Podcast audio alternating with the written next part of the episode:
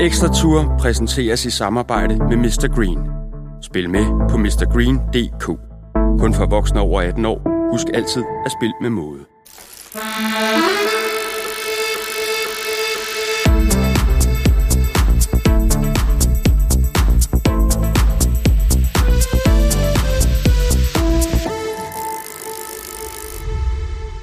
Velkommen til Ekstra Tour Ekstrabladets podcast om Tour de France.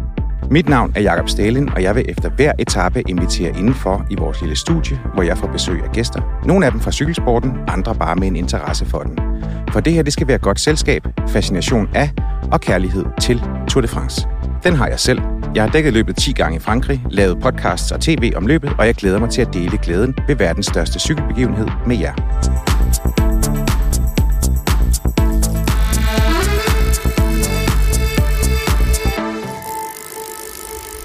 Velkommen til Ekstra Tur, hvor vi har fået besøg af hele to gæster. Vi skal have vendt dagens øh, etape, og så skal vi kigge frem mod morgendagens enkeltstart.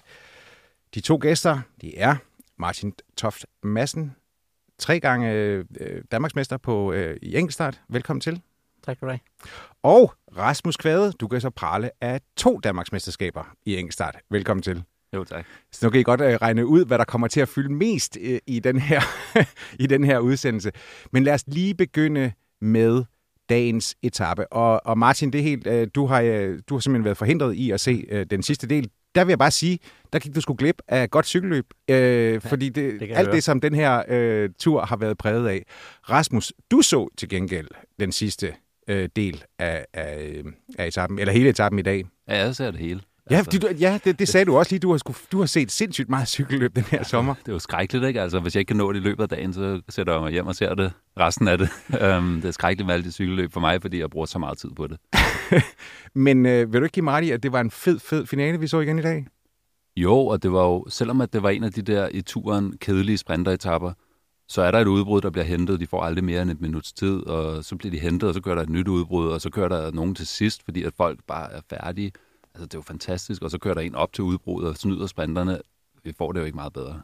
Nej, jeg synes jo også, at øh, altså, det her det er jo også på et tidspunkt i turen, hvor man godt kan mærke, at øh, tankene, de, øh, de ikke bare er tomme, det er, vi er nede på dampe. Øh, og, og det her, det var jo lige præcis udset til at være en chance for sprinterne, som ellers har ventet på en reel massespurt siden Sønderborg. Og der er fandme mange kilometer fra Sønderborg til Kaor. Øh, Især når det er sådan, at man ligger en Tour de France-rute, som går hen over to bjergkæder. Men det var jo bare som om, at på det her tidspunkt, der udkrystalliserer øh, styrkeforholdet sig også i, øh, i Tour de France. Så det kan godt være, at man sender hele hold op for at trække, men hvis det er sådan, at de ikke har mere at skyde med, så kan store motorer ude foran bare gøre ondt på dem. Ja, yeah. altså ja, på mange måder minder det jo lidt mere om et endagsløb, at altså, der bliver kørt med alt, hvad man har, og der er ikke så meget at kontrollere med, kan man sige, så det er bare, det er bare sværere. Øhm, jeg tænker også i starten, måske nogle af de store motorer trods alt tænker på, at de også skal hele vejen igennem og sådan noget. Så altså, der er bare, ja, der er bare ved at være tomt, og det gør bare også, at de der små forskelle, der måske i starten øh, er på folk, de bliver bare større efterhånden, som øh, man kommer ind i løbet. Øh, og så bliver det mere sjovt at se på os som, øh, som tilskuer. Og så, øh, så formåede øh, Laporte at skaffe lidt øh, oprejsning til, øh, til franskmændene. Den første etappesejr. De var ellers bange for, at øh, de ville gå igennem øh, for første gang i 23 år uden en fransk etappesejr. Han fik snydt alle sprinterne, rykket med øh, de der små to kilometer igen, kom op til udbruddet, sad lige og fik lidt luft, rykkede sig igen, og der var ikke nogen, der kunne øh, svare igen nede fra feltet, fordi de alle havde brugt deres kræfter. Var det her bare et spørgsmål om, som du ser det, Rasmus, at den kloge snyder den mindre kloge, eller er der en, en bedre forklaring på, hvorfor det her det sker i dag?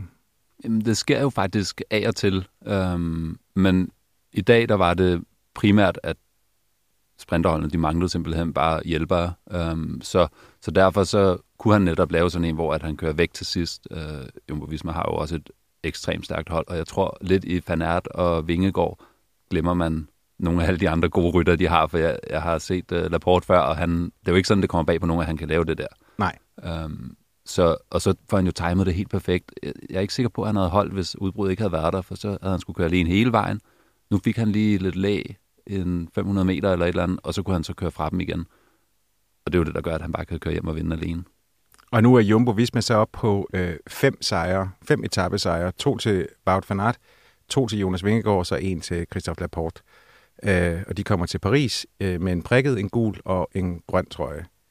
Øh, hvis det var sådan, I sad i feltet, vil, kommer der så sådan lidt, ej, nu må det fandme være nok-agtigt. Altså, de kan ikke blive ved med at, at tage det hele. Kommer der sådan en, en aversion imod sådan et hold, eller er det bare, eller letter man på, på hatten og siger chapeau? Ja, jeg tror lige nu, ved, altså, de har sat sig så meget på turen, og, og det er jo, de har jo ikke været dominerende helt på samme måde, som man ser over sæsonen indtil nu, så jeg tror, at, at folk generelt tænker, at, at, at det er godt gået. Øh, sådan, sådan vil jeg i hvert fald have det. Øh, det var noget andet, hvis de ligesom demonerede alle løb hele sæsonen, så kunne man måske godt blive lidt mere træt af det.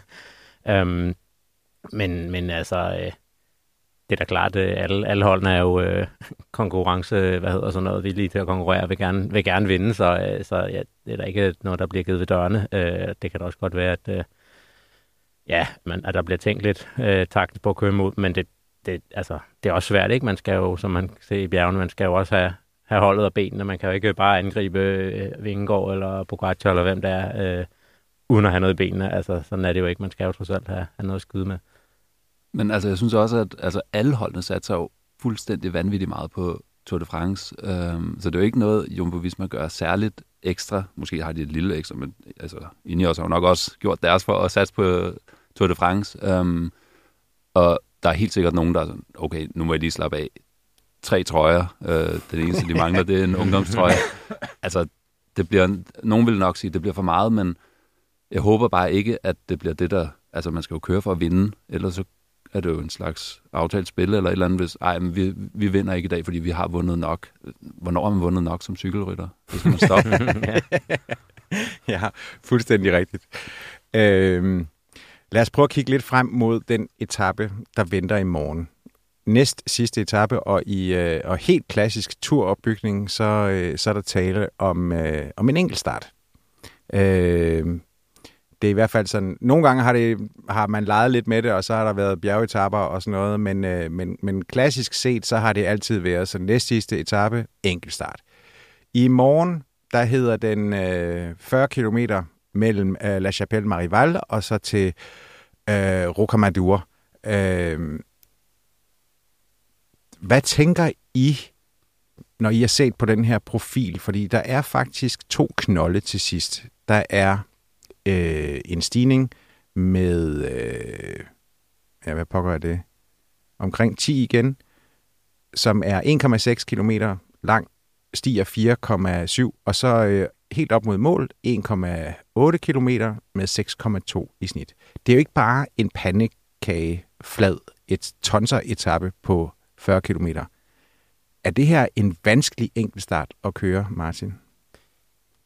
Både og, kan man sige. Det er jo ikke en, en, en helt klassisk øh, flad 40 km, hvor man bare skal holde jævn. Der er, som du, som du siger, nogle, nogle, nogle krøller på, især til sidst, og nogle små bakker, tror jeg også, øh, lidt, lidt tidligere, og der er lidt med, at skal gennem en by, og der er nogle sving og sådan noget, så, det, så, det, er, så, så på den måde er der noget, men, men omvendt er det jo heller ikke sådan en, som vi så øh, Rockly gik fuldstændig ned på for, for to år siden med et decideret bjerg til sidst. Øhm, så det er en, hvor man skal, skal skal tænke over, øh, hvordan, man, øh, hvordan man forser det her, øh, og hvordan man ligesom øh, lægger sine kræfter. Øhm, så jeg vil, jeg vil kalde den sådan øh, mellem, mellem til svær, men ikke i den sådan helt øh, svære ende af pæse, men, men en, hvor man skal, skal, skal kende sin krop, og jeg vil sige, øh, også det der med, når vi er så langt inde i turen her, det gør det selvfølgelig ikke nemmere at vide, hvor meget man ligesom har, når man allerede har været mod slutningen, og, og, og bakkerne der kommer. Det gør det ikke nemmere jo. Øh, så, så man skal helt sikkert tænke over, hvad man laver. Hvordan vil du gribe til den her an, Rasmus? Jamen, jeg tror, jeg vil gribe det an på samme måde, som jeg altid har grebet enkeltstarten an. Altså, ja, og, og det er?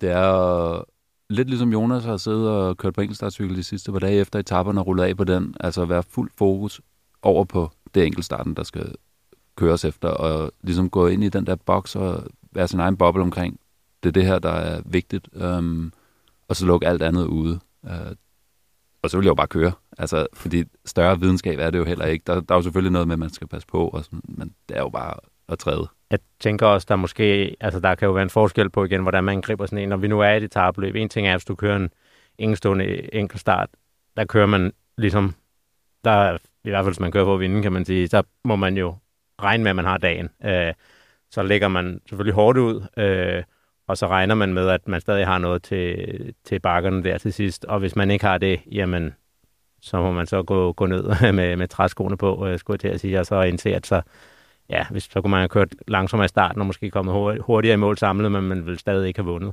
Og så er der også selvfølgelig den anden grøft, hvor, hvor vi taler mere klassement, øh, hvor de jo ikke nødvendigvis kører om sejren. Der er jo også, hvad er det, 5., 6., 7. pladsen ligger også enormt tæt.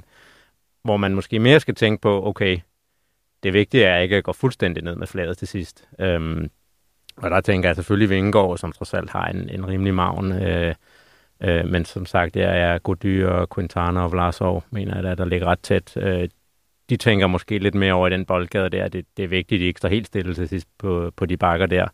Øh, så hvor vi ofte, når vi kører enkeltstarter, øh, nu har der været noget med Danmark rundt en gang imellem, og sådan noget, hvor måske det gik lidt på, på klassement, men generelt, når vi har kørt, er det jo for at gå efter sejr eller podie eller noget i den stil. Ikke? Og så er man lidt nødt til at regne med eller stole på, at man har benene, og hvis man ikke har det, jamen, så er det bare ærgerligt, skulle jeg til at sige, hvor det kan være lidt anderledes med klassement. Der kan man måske lige starte en lille smule langsomt ud for lige at ja. føle, føle an, om, om man nu også har benene. Og det er jo også altså på en eller anden måde nemmere, hvis man er i den gode position. Altså sådan en som Jonas, han er jo helt klart i den gode position i morgen, og han har jo bare ben til at køre stærkt, så han kan jo bare lukke op. Han har et komfortabelt forspring, så der er jo ikke så meget. Han vil jo måske endda prøve at vinde.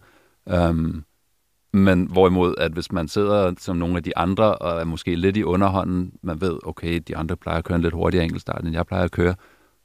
Man ved også, hvad der skal til for at slå dem, og så prøver at lægge ud i den samme fart som dem, og så kommer der lige sådan to knolde til sidst, så bliver det jo noget rigtig rod. Ja. Men øh, altså, det er jo altid skidesvært det her med at, at forestille sig, eller at lave forudsigelser øh, på den sidste enkeltstart i sådan en, en Grand Tour i forhold til den første. Fordi i den første, så vil det som oftest altid være, han har sagt, the usual suspects, altså dem, som også kører godt til VM, Ghana, Bissiger og sådan nogle der. Men man kan jo godt forestille sig, at de ikke kommer til at spille en rolle overhovedet, eller hvordan? Altså, tror, er der, ligger der også sådan et eller andet i, okay, så prøver de også lige at holde igen op mod, fordi det er så stor, der er så stor prestige forbundet med at tage sådan en etape. Ja, helt klart. Altså, vi har jo set før, at Cancellara ikke har vundet en enkelt start i turen, øhm, hvor at der har været en klassementsrytter, der har slået ham. Øhm, sådan som jeg husker det i hvert fald. Det er jeg ret sikker på. Men altså, det, det, det er bare ikke helt oplagt. Øhm, så ja, jeg synes, altså jeg glæder mig i hvert fald til den. Ja, man skal jo, altså, selvfølgelig kan man være ekspert i at køre enkeltstart, øh, og det er jo klart en fordel, øh, men man skal jo stadig have benene, øh, og der er det klart, de, noget af det her, de her klasser mange folk, de kan, det er jo det med at køre hårdt mange dage i træk og restituere, og stadig være kan vi sige, relativt friske hen mod slutningen, hvor det er jo så ikke noget, man nødvendigvis er god til som enkeltstartsrytter, så derfor tipper, kan man sige, fordelen mere over til dem relativt. Øh, så det bliver den her blanding af de enkeltstartsfolk, der ligesom er kommet nogenlunde igennem, og de her klassementsfolk, som, som har en okay enkeltstart, som så ligesom kan lukke det, det gap der og godt køre op og nogle gange slå øh, de her enkeltstartseksperter. Jeg tror, der er mange, der, der sidder derude og tænker, altså sådan, som undrer sig over, hvordan det kan være, at øh, Jonas Vingegaard, som har en kampvægt på, øh, på 58 kilo, og den kropsform, han nu engang har, Ja. Øh, hvordan fanden han kan køre så skide hurtigt på en enkelt start? Hvad er jeres bud som enkeltstarts specialister? Øh, du har noget mere teknisk omkring det, så må jeg lægge ud? ja, ja, øh, må jeg lægge ud? Ja, ja, fordi ja. du har noget mere teknisk ja. Altså, fordi jeg tror måske, dengang jeg blev rigtig god til enkeltstart, der kom jeg frem og var den der måske klassiske enkeltstartsrytter, stor og stærk, øh, har også siddet aerodynamisk, uden at have testet det så meget, um, og kunne træde rigtig mange watt, øh, og det gør jo bare, at man kører stærkt. Um, og så tror jeg lidt, så kom, øh, så kom du, Martin, og lidt overtog det øh, på det, som måske er det videre. Hvorfor kan man egentlig, fordi det har irriteret mig frygteligt, at der har været, det ville være nemmere, hvis det var en stor fanært, der kom og slog mig. Ja. Men en lille spinkel rytter, hvordan kan de køre så stærkt? Det synes jeg, du skal fortælle. ja. Så nu hænger den på dig, Martin. ja. øh, jamen, jeg, jeg, jeg tænker så selv, det hænger lidt sammen med den udvikling, der generelt har været, øh, hvor man er, altså, hvor udstyr og, og position og al, al det her tekniske udvikling har været, har trods alt gjort, at man, man sådan bedre kunne optimere og forstå, hvad det ligesom er, der, der, der spiller ind. Øhm, og så der er ingen tvivl om, at, stadig, at, at det er en, stadig en fordel at være en større rytter på en enkelt start. Det er jo trods alt den, hvor jeg også primært ser til VM og sådan noget. Øhm, men øh, det forskellen, det gap, der ligesom har været, er nok blevet lukket, fordi man har kunnet, man, altså, der har været lidt mere arbejde med. Øhm, og nu, nu ved jeg ikke, hvor teknisk jeg skal blive her også, men der er sådan Nej, du, bare, bare der er sådan noget med, gas. der er sådan noget med dragterne, kan man sige. Du kan sikkert huske, øh, Rasmus, øh, for, for 10 år siden, der kørte man jo helt glatte dragter. Det var, det var det bare det hurtigste. Um, ja. Og så nogle virker faktisk generelt bedre på større rytter. Øh, det er simpelthen noget med luftens flow over, hvor store arme og ben man har og sådan noget. Og der er jo, det er jo sådan nogle ting, hvor man er blevet opmærksom på nu, at hvis du ser på enkeltstartsdragter i dag, så er det jo øh, nogle steder bruger man stadig sådan nogle helt glatte øh, dragter, nogle steder på kroppen, men så på andre steder, der bruger man, øh, har man forskellige features med noget rohed og sådan noget. Øh, og det kan være individuelt, hvad der er bedst for rytter til rytter, og, og på mindre rytter er det tit noget med, at du gerne vil have flere af de her features, øh, og specielt hvis du kigger på sådan noget som, som damerytter, der så kan være endnu mindre, øh, og sådan noget som triathlon, hvor de også kører lidt langsommere, som har lidt samme effekt, øh, jamen der går de helt amok med øh, de her dimples ting og striber og alt muligt, øh, fordi det simpelthen er hurtigere på mindre folk, og hvis du kører lidt langsommere også. Øh, så det har ligesom nok været noget af det, der har lukket det, det gap, der ligesom har været. Øh, det er sådan den ene del. Den anden del kan også være noget med cyklen, at det er klart, at hvis du har en, man kører på samme størrelse hjul, øh, og selvfølgelig ikke helt samme størrelse cykel, men, men en, en rytter, der øh, meget høj, en, der er meget lav, er jo ikke, der er jo ikke kæmpe forskel på den, den hverken vægten eller vindmodstanden i selve cyklen. Så det vil jo være en større hindring for en lille rytter, så, så efterhånden som cyklerne også ligesom i sig selv er blevet hurtigere og hurtigere, øhm, så vinder den mindre rytter ligesom mere på det, end en stor rytter gør. Øh, så lad os sige, der er 100 watt øh, modstand i en, en cykel, at du kører 100 watt for ligesom at få cyklen op i fart bare. Øh, så kan det være, at Jonas træder øh, 350 watt plus minus på en enkelt start, og Fanart han træder nok øh, i hvert fald 100 watt mere. Ikke? Øh, så det er klart, 100 watt for Jonas, det er jo mere for ham, kan man sige, i forhold til Fanart. Øh, så, så kan man sige, hvis du kan få det ned på, lad os sige, det er gået fra 100 til 70 watt over de 10 år, så har Jonas jo vundet. De har begge to vundet 30 watt, men 30 watt er mere for Jonas, end det er for Fanart. Øh, så det, det er nogle af de ting, der formentlig har gjort sig gældende over, at vi har set, at, at mindre ryttere kan gøre sig mere nu og bedre øh, i forhold til for 10 år siden for eksempel. Rasmus, hvis det er sådan, du tænker tilbage på den, øh, dengang, du ligesom begyndte at specialisere dig i enkeltstarten, hvor meget tror du, at øh, du ville have vundet på, med at køre med det udstyr, som de bedste de kører med i dag? Uh. Har, har du noget bud det, på det? det? kan være, det nemt at se på banelandshold tider i virkeligheden. ja, altså øhm, til OL, altså nu er det jo ikke enkeltstart, men inde på banen holdløb, det minder rigtig meget om det. Øhm, der kører vi til OL i, i 12, 2012, der kører vi øhm, 3 minutter og 57 sekunder. Og til OL i 2016, som, hvor jeg var med, og vi blev tre, der øh, kørte vi 3 minutter og 53 sekunder, så der tog vi 4 sekunder. Øhm, og så kørte de så 3.42 her i, øh, ja, i 2021. År, ja. øhm, så der sker meget. Der sker rigtig meget. Øhm, det er jo ikke sådan... Altså, der er også sket noget med den måde, de kan køre det på, men, men jeg synes, der er noget, der tyder på, at vi kan nok tage et par minutter af min bedste enkeltstarter. Ja, det, ja, fordi jeg tænker, det, det, er jo, det er jo en 4-5-6 procent eller sådan noget i den stil, hvis det, altså på det alene på baneholdlandsholdet, altså som de har barberet af. Ja. Det er, jo, det er jo ret markant. Jeg synes, det ville være interessant øh, det år i 13, hvor at jeg blev nummer 6 til VM, og jo, egentlig, jeg stillede bare op, og jeg skrev til Lars Bak øh, dagen inden, om jeg kunne låne hans enkeltstartshjelm, fordi den var sølvfarvet og flot, men han fik så ikke så meget tilbage. um, men så kom der en eller anden fra Trek og lånte mig en anden, deres mekaniker, og så var det den, jeg kørte med. Uh, sådan foregår det jo ikke mere. Uh, men jeg tror måske, at Tony Martin og Cancellara og Wiggins har været længere fremme med den aerotest, som man laver i dag for rigtig mange rytter. Og det havde været interessant at se, hvor meget det kunne have ragt til sig. Man, man ser jo også, at de bliver jo, altså nogle af de der hjelme, der er nu her, det ligner jo mere, at de er med i Star Wars, end at de kører cykelløb. Altså, der må, være, der må virkelig blive lagt enorm energi i at finde den hjelm, fordi det er jo der, hvor rigtig meget af luftmodstanden, den skal brydes. Ja, det er der. Altså, det er jo, det, er jo, det, det klassiske er jo selvfølgelig, at, at eller sådan det man ser er jo, at der er meget fokus på cyklen, men, men, men dragt og hjelm, det betyder mindst lige så meget, øh, selvom det måske ikke er lige så sexet. Øh, øh, så er det, som du siger, altså hjelmen er jo, kan man sige, øh, en ret stor del af det, vinden bryder øh, først, kan man sige, når rytterne det samme med dragten i virkeligheden også. Øh, og, og ja, det bliver der lagt enorme ressourcer i at udvikle de, de her ting, og vi kan jo også se nogle hold køre med, faktisk en del hold efterhånden, tror jeg, kører med, med ikke sponsorkorrekte drægter, øh, for, at få, for lige at øh, få øh, de sidste sekunder med på enkeltstarten. Jeg tænker også, altså om Jonas Vingegaard, han rent sådan fysiologisk faktisk har en fordel i og med, at hans kropsbygning, den er, som den nu engang er. Han har jo, altså, du kan jo ikke, du kan ikke opfinde en, en krop, der er mere skabt til cykling i en eller anden forstand end Jonas Vingegaard. Han har en, en, en spinkel overkrop. Det betyder jo også, at hvis det er sådan, at han, altså han kan lukke sig meget til, når han sidder i sin aeroposition på en enkelt startcykel, altså at der ikke er ret meget vindmodstand i forhold til mere bredskuldrede ryttere. Ja, det er klart, altså kan man sige, generelt vil det jo, en af kommer i tanke om, det Gustav Larsen også, som du sikkert også skal huske, Rasmus, ja. du kan huske. Men det der med at have en lille overkrop øh, i, i forhold til din samlede krop, eller i forhold til dine ben, ikke? fordi den overkroppen, du har selvfølgelig lunger og hjerter, som selvfølgelig arbejder meget også, øh, men, øh, men, men armene er jo sådan set mere eller mindre bare en hindring øh, i cykling. Dem, altså, de, de, de skal lige holde lidt i styret, ikke? men det er det.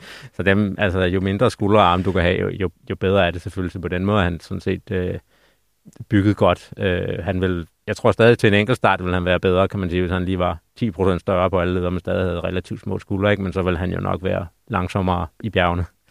Ja, og det er jo det. Det er jo altid en afvejning. Øh, det her jeg synes tidligere, at man altid har hørt den der med, at hvis det er sådan, at man fokuserer meget på enkeltstart, så taber man en masse andre elementer. Og, øh, og omvendt. Hænger det nødvendigvis sammen, Rasmus? Ja, det tror jeg. Altså, det, det gør det. Um, jeg var bestemt ikke særlig god til at køre andet end enkeltstart dengang, fordi jeg fokuserede så meget på det, uh, og det gav mig en kæmpe fordel. Um, men, men man må også bare sige, at Jonas Vingegaard Pogacar, som jo også er ret god til at køre enkeltstart, øh, de er jo begge to små, de er bare så dygtige og så stærke, så, så det gør jo også, at de kan blande sig med de bedste, men hvis man tog rigtig, rigtig mange, der var lige så gode, så får man en fanart, øh, der er større og måske som regel er bedre på en enkelt start. Um, øhm, eller Ghana er måske endda et endnu bedre eksempel. Men jeg tænker, altså, så, hvad skal man sige, er de to dem, der, øh, de er undtagelsen, altså af de klassiske klatrere. Altså, fordi der er jo også masser, der vi skal ud og se Gody i morgen. Eller vi skal se Quintana. Øh, eller Louis Meintjes. Øh, nu, Geraint Thomas er også i op der, hvor han kan finde ud af det der. Men de andre er, altså, kan de forbedre sig markant, uden at give køb på deres andre specialiteter, ja. tænker du? Ja, det tænker jeg også. det er altså, den, altså, der er også noget, øh, altså, der er også noget, noget mentalt, og noget med at være, altså som med alt andet, ikke kun cykling, men også andre sportsgrene og, og livet generelt, kan man sige, så, så det der med at være, at være interesseret i det, øh, det betyder også meget, og synes, det ligesom er sjovt at gå op i det og bruge tid på det. Øhm, og, og der er de tre der, du nævner, øh, jeg, jeg tænker ikke, at de træner lige så meget på enkeltstartcyklen, som, som, øh, som Jonas gør for eksempel, eller Joanne Thomas for den sags skyld. Øh, plus, jeg har også på fornemmelsen, øh, i hvert fald nogle af de hold der, øh, heller ikke går helt så meget op i det, bruger helt så mange ressourcer på, og, altså dels at få at træne det med rytterne, og så også hele sættet bag for dem positioneret. Øh, dragt og cykler og alle de der ting. Og, og, og det betyder altså bare noget i sidste ende, øh, ligesom alle, alle tingene. Ja, og det er jo faktisk sådan, altså hvis man sådan kigger på det uden at have lige så stor, jeg har ikke lige så stor viden, som du har, Martin, om det der med aerodynamik, men jeg ved trods alt, at Ineos bruger rigtig mange penge og tid på sådan noget. Jumbo Visma gør også, og så kunne man tænke, UAE gør de det, men de har jo faktisk også fået ansat en, øh, der har været på Sky tidligere, som også kan strukturere nogle ting. Altså, det er pudsigt, at der så er tre derfra, der også kører rigtig stærkt. Øh, det handler jo rigtig meget om det. Man kan jo godt se på Ineos, at de har også meget Martinez, og han kører jo faktisk også en habil enkeltstart, og han er jo egentlig også bjergrytter. Øh, Yates kører jo faktisk også øh, okay for dem. Øh, så man kan, altså generelt kan man jo godt se, hvis man ser sådan over hele holdet, at selv bjergrytter kører faktisk habil enkeltstarter på Ineos for eksempel. Det fortæller jo noget om, at de ligesom at det kan lade sig gøre. Det kan lade sig gøre, at de ja. styrer på deres setup, og det kan godt være, at de, uh, en Yates ikke går hen og vinder VM, men han kører bedre end Gody for eksempel, ikke? Klart.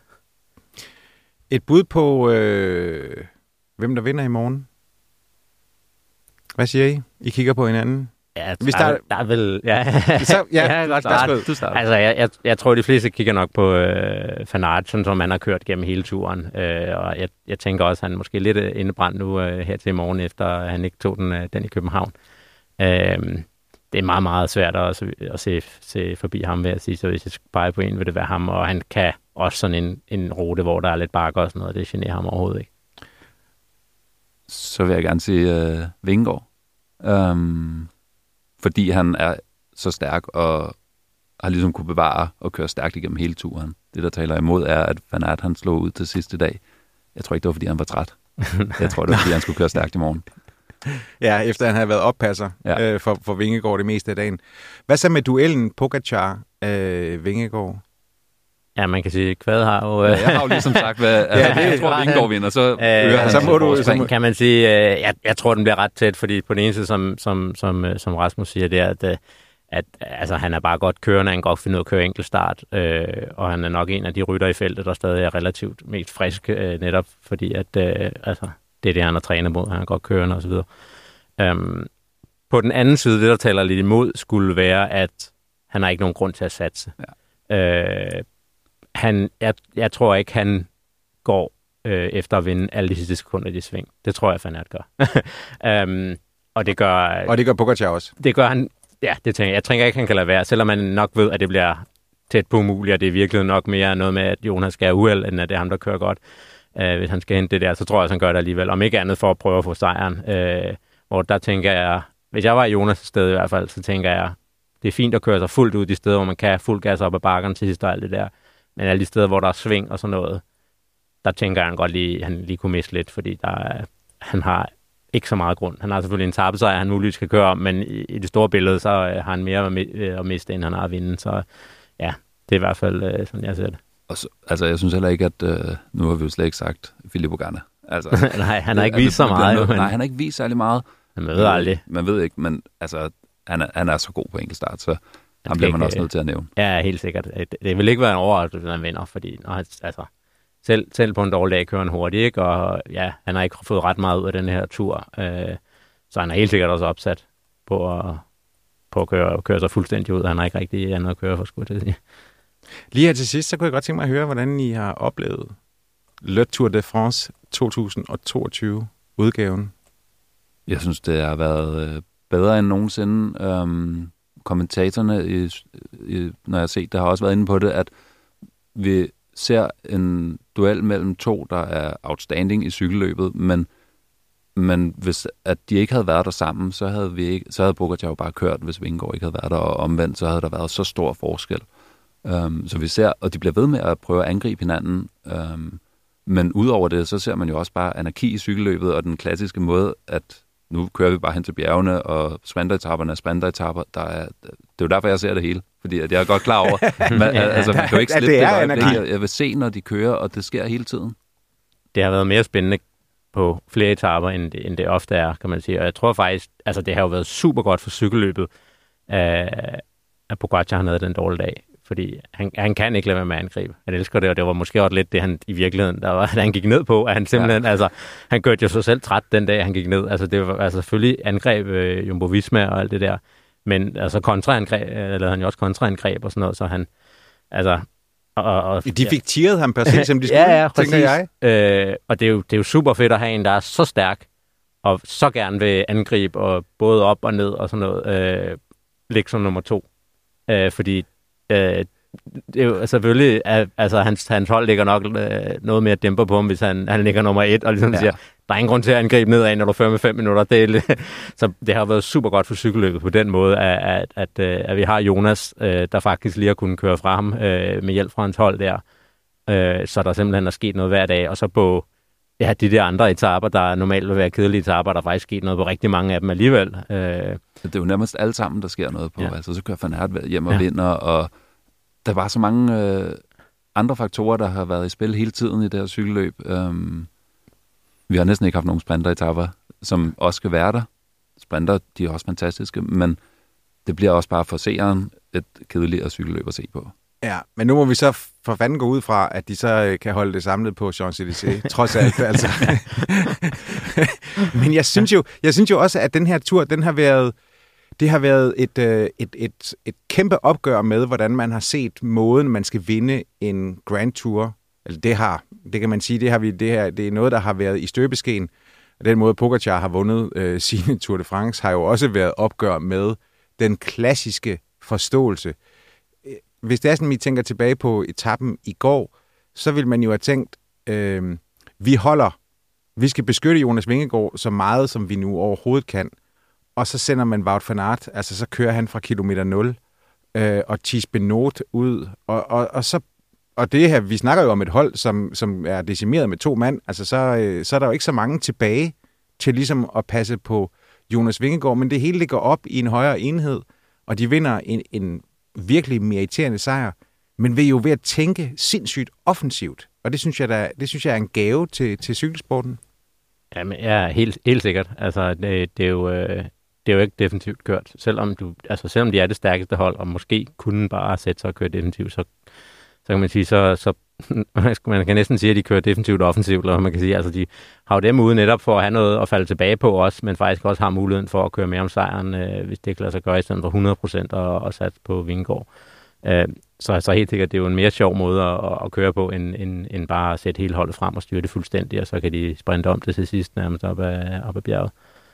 Ja, så synes jeg også, det var interessant. Altså, Vingårds hold der på Otakam var jo outstanding. Altså, de kørte så stærkt. Men dagen før, der var de jo faktisk lidt fraværende. Um, hvor et Pogacars holdkammerater, altså Mikkel Bjerg, han fik jo en ja, opblomstring som, uh, som bjergrytter, og bagefter overtager Brandon McNulty, og kører jo helt eminent. Um, så, så de har jo lidt skiftet til at have et rigtig godt hold, klart overtal til Jumbo Visma.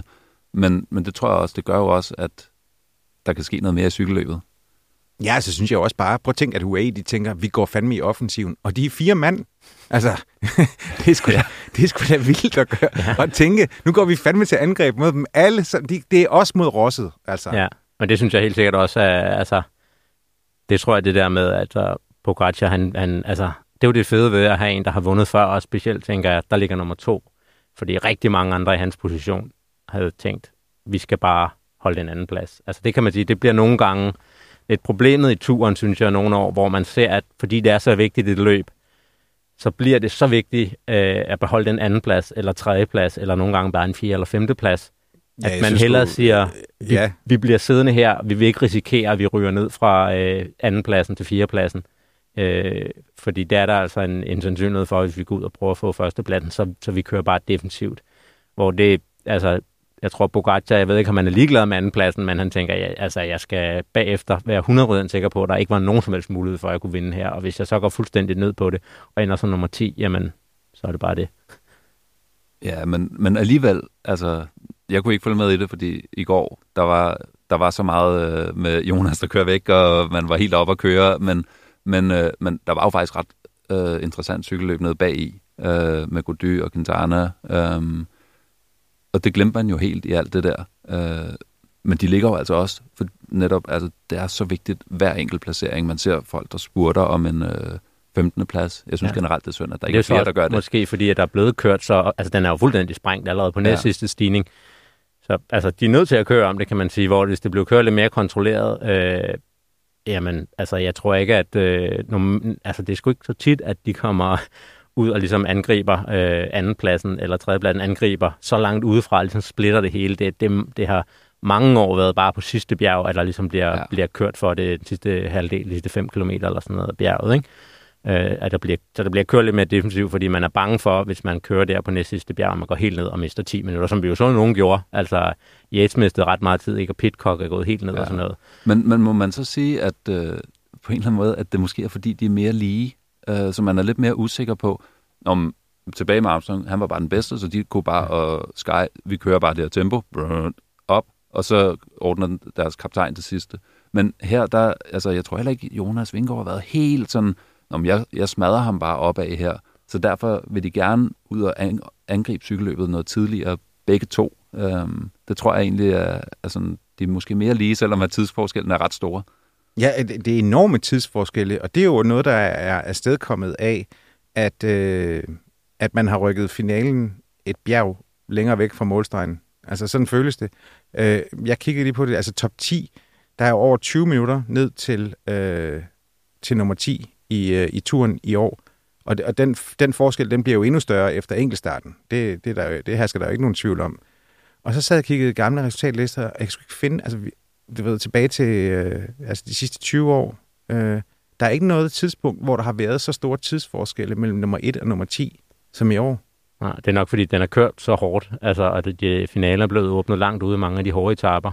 Så altså, den er blevet strukket ud. Der er ikke så mange, hvor de kommer samlet hjem, øh, kan man sige. Der er, det har, synes jeg kan huske mere tidligere år, det har været mere normalt dermed, at så er der kommet 10-15 stykker samlet ja. til bjergtoppen. Fordi det er blevet bedre lidt låst, ikke? Der sidder en kaptajn der, der allerede har vundet en bjergetappe eller to og fører ligesom med fem minutter ned til nummer to og tre. Øh, og han sidder og styrer det mere eller mindre med en eller to hjælperyttere. Øh, og så kan det godt være, at der er nummer 5 prøver at angribe øh, et par kilometer ude, men han bliver lige lukket der af, af Sky-toget, eller hvad det nu har været. Ja. Øh, og så kommer de egentlig ja, de 15 mand op til, til en bjergtop, og det har der været mange. Hvor det har der ikke, det har der ikke været så meget i år, simpelthen, fordi den er blevet angrebet ude fra, ja, ofte Pogacar og nogle, nogle gange Jumbo Visma. Skulle man have mindre hold igen? Altså, de har otte mand nu, allerede mindre, men skulle man have endnu mindre hold? Ja. Fordi det gør jo netop, at det bliver sværere at sætte sig og kontrollere det. Ja, ja. Jamen, det, det gør det jo. Ja, jamen, altså, så kan man jo sige, så, altså, ja, UAE, de har jo vist, at man kan klare sig med fire. ja, ja, ja. altså, ja, og Jumbo er jo, Jumbo Visma er jo også kun seks. De er seks mand, ja, lige præcis. Altså, og det har jo været, lad os lige øh, minde om, at det er jo trods alt en nummer to og en nummer tre i turen, som de har mistet. Altså, Roglic er blevet nummer to, og Steven Kreuzberg er blevet nummer tre, som ikke er der til at hjælpe Vingegaard. Det er trods alt habile folk og, øh, og måtte stryge fra, øh, fra startlisten. Ja, man kan vel næsten sige, at øh, Roglic var jo måske, nu, nu han ikke skulle, hvis han ikke skulle vinde det, så var han måske den vigtigste hjælper til, til Vingegaard. Nu var der sådan en anden, der kørte rigtig stærkt også, men, ja. men altså, det, er jo, det er jo ikke sådan tilfældige folk, de, havde, de har mistet. Men alt i alt, så har, øh, så har det været en, en reklame for cykelsporten, tænker jeg. Ja, ja, helt sikkert, og selvfølgelig især for Danmark med starten her, og Jonas, der gør det godt, men generelt synes jeg, det har været en rigtig, rigtig sjov tur at se på. Og jeg kan heller ikke forestille mig, at I kunne tænke andet, end at det, det er sort uheld, der skal til, for at vi ikke skal fejre Jonas på... Ja, måske på Rådhuspladsen. Ej, jeg, jeg regner med, at øh, hvis der nu... Der kunne godt komme en fejring på Rådhuspladsen på mandag, eller... Det tænker jeg da også. Det burde der være, ikke? ja, det synes ja. jeg da også. Nå, Martin og Rasmus, øh, tiden den løber. Men øh, tusind tak, fordi I øh, tog jer tid til at, øh, at snakke med mig om turen, om enkeltstarten, og øh, alt det, vi har at se frem til i, til i morgen. Og jeg er selvfølgelig tilbage igen i morgen. Der er det med øh, Lars B. Jørgensen som gæst. Vi skal vende øh, den enkeltstart, der øh, helst skulle afsløre, at Jonas Vingegaard han kører ind til Paris i gult. Tusind tak, fordi I lyttede med på Genhør.